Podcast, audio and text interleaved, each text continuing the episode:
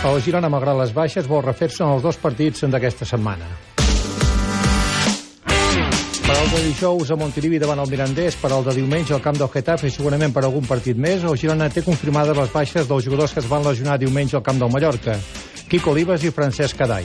Segons un comunicat del club, a les proves que els han fet, Quico Olivas té afectacions al peroné i tres lligaments del turmell de la cama dreta, li han de fer més proves i Adai té un trencament de fibres a la cuixa de la cama esquerra amb la previsió d'un període d'inactivitat de recuperació de pràcticament 10-15 dies. De la doble cita d'aquesta setmana i especialment del partit de dijous ens en parla el segon entrenador del Girona, Jordi Guerrero. Setmana dels 6 punts, per tant encarem ja la setmana amb molt de treball i molta intensitat, tot i les baixes que tenim segures de Kiko i d'Adai, l'equip està treballant molt bé, esperant a un Mirandés rocós, com sempre els equips de Terrassa tenen molta intensitat a principi de temporada, juga com nosaltres un sistema molt peculiar, tres línies de tres amb un punt a dalt, plantegen sempre un partit molt físic, molt d'anades i tornades, i nosaltres intentarem evitar això i imposar el nostre joc. I preveiem un, un enfrontament complicat. D'altra banda, aquest migdia s'han fet públics els horaris de la desena jornada de Lliga de Segona Divisió a la cap de setmana del dissabte 15 i el diumenge 16 d'octubre amb el partit Girona-Oviedo el dissabte a les 6 de la tarda.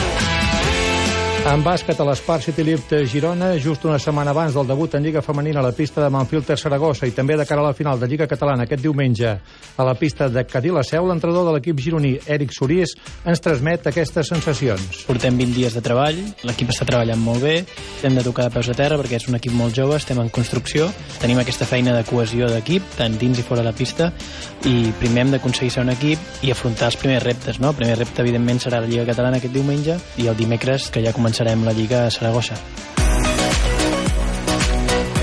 La trialeta de Banyoles, Carolina Rautier, ja ha tornat a casa després d'haver competit aquest cap de setmana a Cozumel, a Mèxic, a la gran final de les sèries mundials.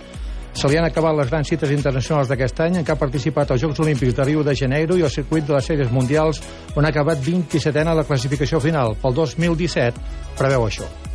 Els objectius per la temporada vinent encara no els he plantejat perquè tot just acabem d'acabar aquesta, però sí que m'agradaria ser consistent en les sèries mundials i poder consolidar sempre un top 10, un top 15. La previsió per la següent temporada és seguir amb la mateixa línia, seguir amb el nostre entrenador, en Joel Filiol, i el grup internacional, i entrenar als llocs on les proves del Mundial es facin. En un principi l'objectiu és anar a Canàries a, a principis d'any i d'allà ja anar a Abu Dhabi i Austràlia per començar la temporada competitiva. I en handbol aquest migdia la seu del Consell Superior d'Esports a Madrid s'ha fet l'acte de presentació del tècnic de Sarrià Ter, Jordi Rivera, com a seleccionador espanyol.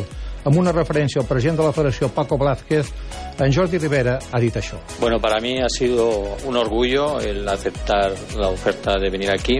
Han sido estos últimos cuatro años de mucha dedicación en Brasil. Paco habló conmigo para venir aquí y la verdad es que para mí pues es un reto, es un desafío volver a España y trabajar en estos cuatro años que representan un ciclo olímpico con esa visión hacia los Juegos Olímpicos de Japón en el, en el 2020 de Jordi Rivera ja hem destacat que té àmplia experiència en equips de Sobal, Arrate, Galdar, Vidassó i Ademar, i també com a seleccionador un any a l'Argentina i set anys al Brasil.